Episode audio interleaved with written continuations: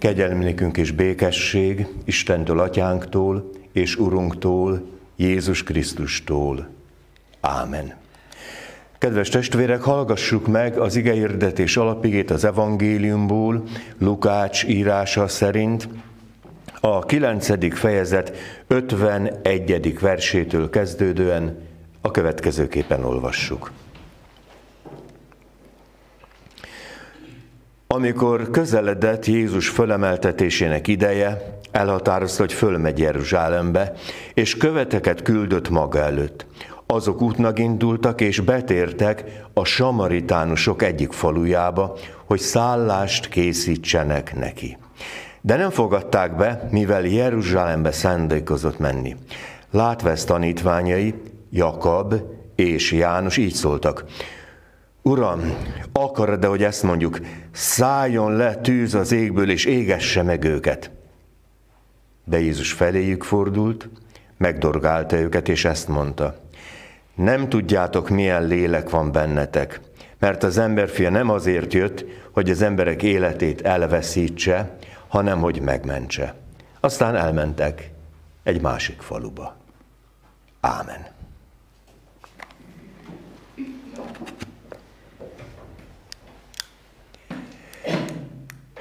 Kedves testvérek, olyan sztereotíp, hogy fölvezetem ugye mindig az ige hirdetés alapigét, honnan is szól az ige most hozzánk?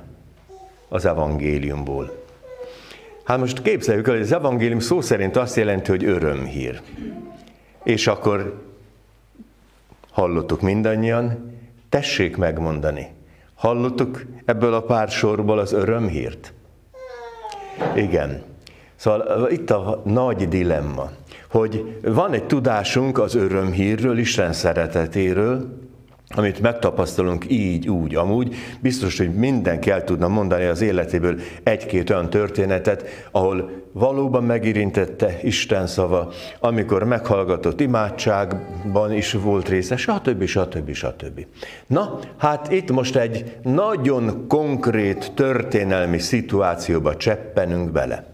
És úgy is mondhatom, mint ahogy mi mindannyian benne élünk, mondjuk a társadalomban, a közéletben, annyi minden hat ránk, és ilyen füllel hallgassuk, hogy mi is történt itt.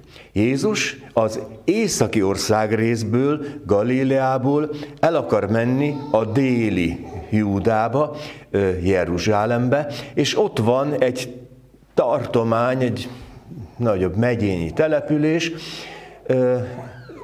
nem település, hanem országrész, Samária. Na most itt egyetlen egy bökkenő van. Már Jézus korában is közel 500 éve tartott egy megoldhatatlannak tűnő konfliktus. És ez a konfliktus a két nép között volt, a samáriak keresztbe tettek a délieknek, északiaknak, de hát aztán ugye a zsidó logika szerint szemet szemért, fogad fogért, ahogy ezt szokták mondani, a dolgok eszkalálódtak. Lehet, hogy már mindenki elfelejtette az eredeti konfliktusokat. Igen ám, de vannak olyan konfliktusok, amik majd, hogy nem genetikailag öröklődnek. És miért haragszom rá? Azért, mert.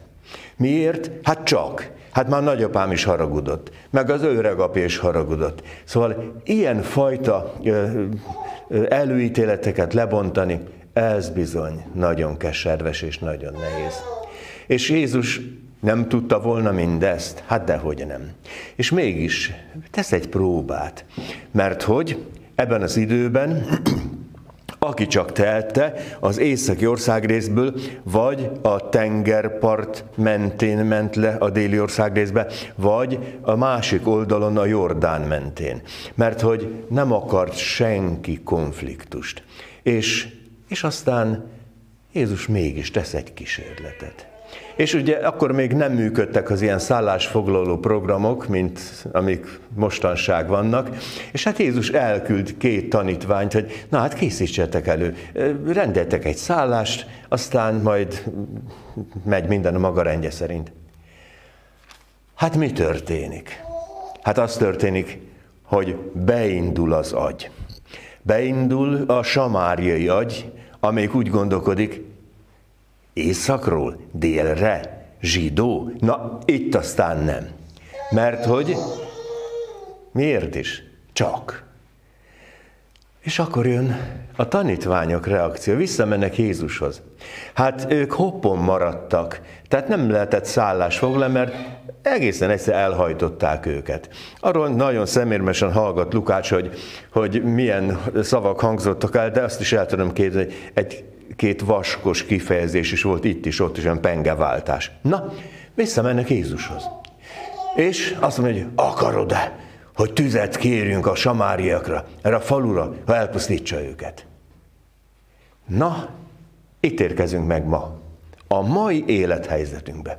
Amikor van egy kiélezett helyzet, amikor sok lesz a gőz, szakad a cérna, így szoktuk mondani, és aztán aztán bizonyos, nem biztos, hogy szép szavak, kifejezések segítségű hívása mellett kérjük azt, hogy dögöljön meg, pusztuljon el, és a többi, és a többi. Itt meg kell állni. Kik azok, akik mindezt kérdezik? És ez nagyon tanulságos, ott van Jakab, róla viszonylag kevesebbet tudunk, de ott van János is, a fiatal tanítvány, az a galamb lelkű, akit, akit Jézus szeretett. És még ez is. Egy különleges helyzetben, mint a villám, úgy csap ki belőlük az indulat. Akarod, hogy tüzet kérjünk? Pusztuljanak? Egy galamb lelkű, szelíd ember. És, és aztán Jézus azt mondja, nem tudjátok, milyen lélek lakik bennetek. Na, itt érkezünk el az abszolút mába.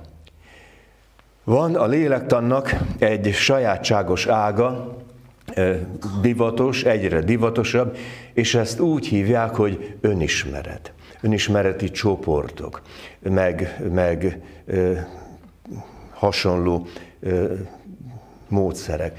Ismerd meg önmagad, mondja az ókori görög mondás. Igen, ismerd meg magad, de megismerhetem én magamat?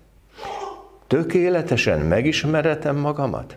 Mert az, hogy van egy, van egy jellemünk, kaptuk. Lehet, hogy genetikusan is így jön. Van, aki így mondják, hogy szangvinikusan, lobbanékony, kolerikus, olyan mindenkit uralni akaró, a másik melankólikus, olyan, olyan halvérű. Szóval vannak ezek a karaktertípusok, de ebből nem következik az, hogy, hogy ismerhetnénk is igazából a lelkünk rezdüléseit egy nagyszerű teológus, pszichológus mondta, nagyon ragyogóan megállapítva, hogy, hogy az ember jelleme nem tud megtérni. Tehát, hogyha van egy, egy szenvedélyes ember, az, ha hitetlen, akkor is szenvedélyes, ha hívő, akkor is szenvedélyes, ha melankolikus, akkor hit nélkül is melankolikus, meg hittel is olyan lassú ember. Ez eddig rendben is van. Tehát az árnyékunkon nem tudunk túllépni. De a kérdés az az, hogy konfliktus helyzetben hogyan reagálunk. Sok-sok évvel ezelőtt történt, buszon utaztam, és egy csuklós buszról van szó, ahol egy kanyarban egy kicsit erősebben vette a, a, a kanyart a sofőr, és, és egy férfi előttem, hát ugye megbillent, rálépett egy nagyon csinosan, kisminkelt, választékosan öltözött csinos nő lábára. A férfi azon nyomba bocsánatot kért, mire a nő. Kiszakadt belőle. Na, nem idézem. Szóval olyanokat mondott, amit rosszul esett hallani. Azt gondolta volna az ember, hogy egy csinos, szelít, galamb lelkű valaki, na aztán, aztán dölt belőle. Milyen lélek lakik bennünk? És a kérdés igazából úgy kérdés, hogy van-e konfliktusunk? Van? Van. Lehet, hogy sok is volt már mögöttünk? Lehet. Nem akarok szemforgató lenni. Szóval ismerős az, hogy az emberi lélekből ki tud jönni egy kis, egy kis üvöltözés, egy kis ajtócsapkodás, egy kis, már nem folytatom.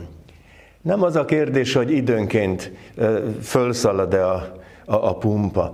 A kérdés az az, hogy tudjuk-e megoldani. És gondoljuk meg, hogy minden ilyen helyzet hogyan oldódik meg. Ne haragudj, nem úgy akartam, nem úgy gondoltam. Jó, nem haragszom. Aztán, aztán lecsitulunk. Tehát ne áltassuk magunkat, keresztény embernek nem lett konfliktusa. Dehogy nem. De a kérdés az az, hogy mit tudok vele kezdeni. Egy szellemes képet írt meg valaki egy novellában, és azt mondja, hogy, hogy hát, hogyha a, a, a harapós kutya ott ugrál körülöttem, akkor folytonos veszélybe vagyok. Szóval, de ha rá tudom tenni a nyakörvet, és én fogom a pórázt. Na most ez a kérdés, hogy hogy ez a harapós kutya érzés itt Samáriában, hogy jött ki?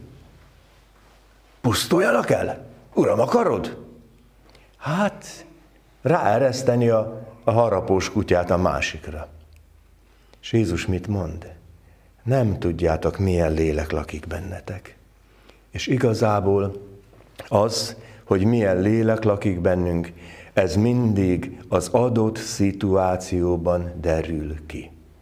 Az is, hogy tudunk-e kedvesek lenni, az is, hogy méregbe gurulunk-e, és így tovább. Azt mondta, az emberfia nem azért jött, hogy az emberek életét elveszítse, hanem hogy megmentse. Na, itt van egy igazi program. Az, amikor ez a bizonyos önismereti tréning elkezd bennünket arra tanítani, hogy jó, haragudjatok. Olvasok az igébe. De a nap ne menjen le a haragotokkal. Hogy igyekezzetek mindenkinek a, a, a jó létén lenni. És csak gondoljuk végig, hogy a másnapra átvitt harag vagy gyűlölet, az hol marad? Itt, valahol a lélek mélyén. Kinek jó? Kinek van ártására? Nekem magamnak. És hogyha a gyűlöletet, már maga a szó is en érdekes etimológia, hogy, hogy összegyűlik a, a, az, az ölési hajlandóság, hát az, az mindig bennem akad meg. Rajtam csapódik le. Vigyázat. Indulatok lehetnek. Olyan szép ez az ószövetségi történet, amit hallottunk a Naamánról, Abszolút hétköznapi dolog. Egy, egy főemberről van szó, akinek a házába keveredik egy zsidó kislány, aki aztán szolgáló lesz.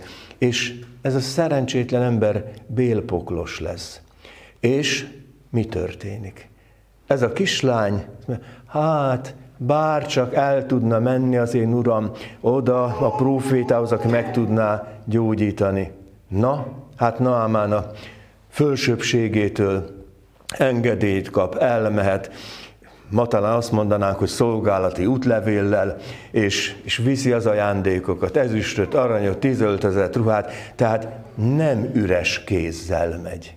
Úgy is mondhatom, hogy a, hogy a gyógyítás privátba végzett gyógyítás ára rendelkezésre Anyagi akkor már nem fog múlni.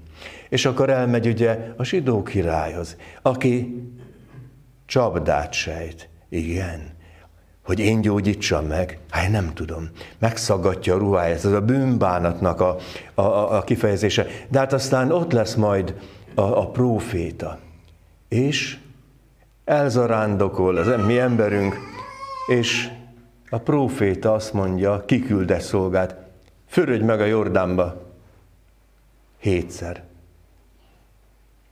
Ki se jön. A csoda gyógyító, a csoda rabbi. Nem jön ki. Hát most tessék végig gondolni, hogy elmegyünk gyógyulni. Jó messze, aztán a csoda doktor kiüzen a sameszával, hogy, hogy menj el, aztán fürödj meg a Tiszába, Dunába, ahol jól esik. Ezért jöttünk. Na hát itt is rászakad a cérna. És egy, egy nagy feszültség lesz.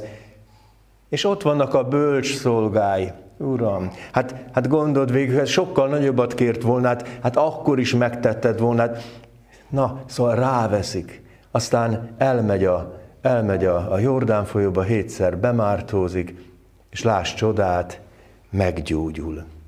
Meggyógyul a bélpoklosságából, a leprájából, és azt olvassuk, hogy olyan lett a bőre, mint a, mint a baba bőr. Szóval, hogy is van ez? Van egy helyzet, ahol megint csak valaki dübegurul, aztán, aztán kiderül, hogy mégiscsak így lesz jó.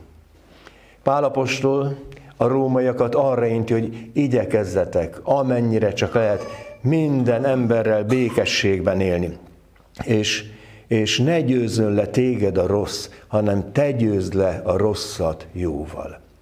Ez most mind-mind ilyen erkölcsi tanácsoknak tűnik, egyébként az is, meg nem is.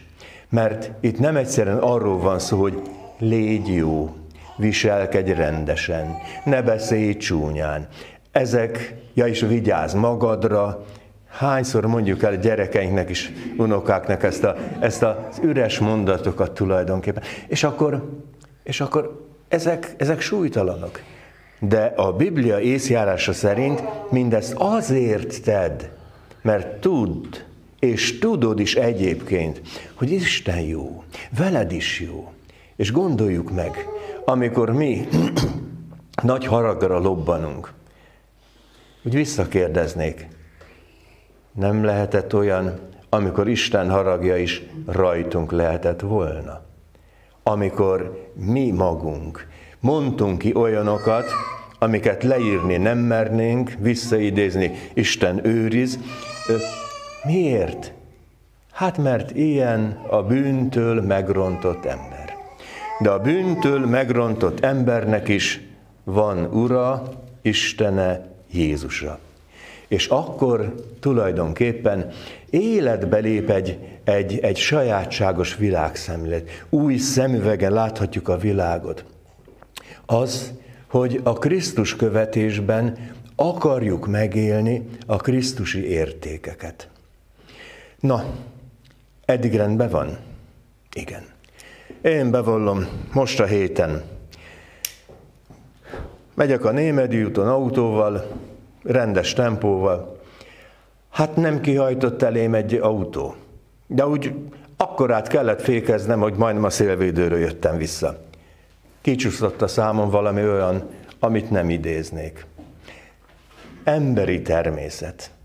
De semmiképpen nem gondolnám, hogy a halálát kellene kívánni annak, aki aki kihajt, meg ez, meg az történik. Vegyük komolyan. Keresztény embernek lenni küldetés. Nem önmagában szemforgató erkölcsiséggel, hanem azzal, hogy tudom, én magam is bűnbocsánatból élek. Hogyha én élni akarok a másikkal, akkor tulajdonképpen ez történik közöttünk. A lélektan ismer egy fogalmat, ez az ellenjárat törvénye. Ugye a zsidóság észjárása az az, hogy szemet szemért, fogad fogért. Ezen logika alapján működik az Ószövetség. Az ellenjárat törvénye pedig azt jelenti, hogy kifogom a szelet a vitorládból. Lehet, hogy te üvöltesz velem, és én mosolygok. Lehet, hogy sokszor rosszat teszel, ellenem, velem, és én megpróbálom úgy alakítani a dolgokat, hogy a végén, végén győzzön a jó.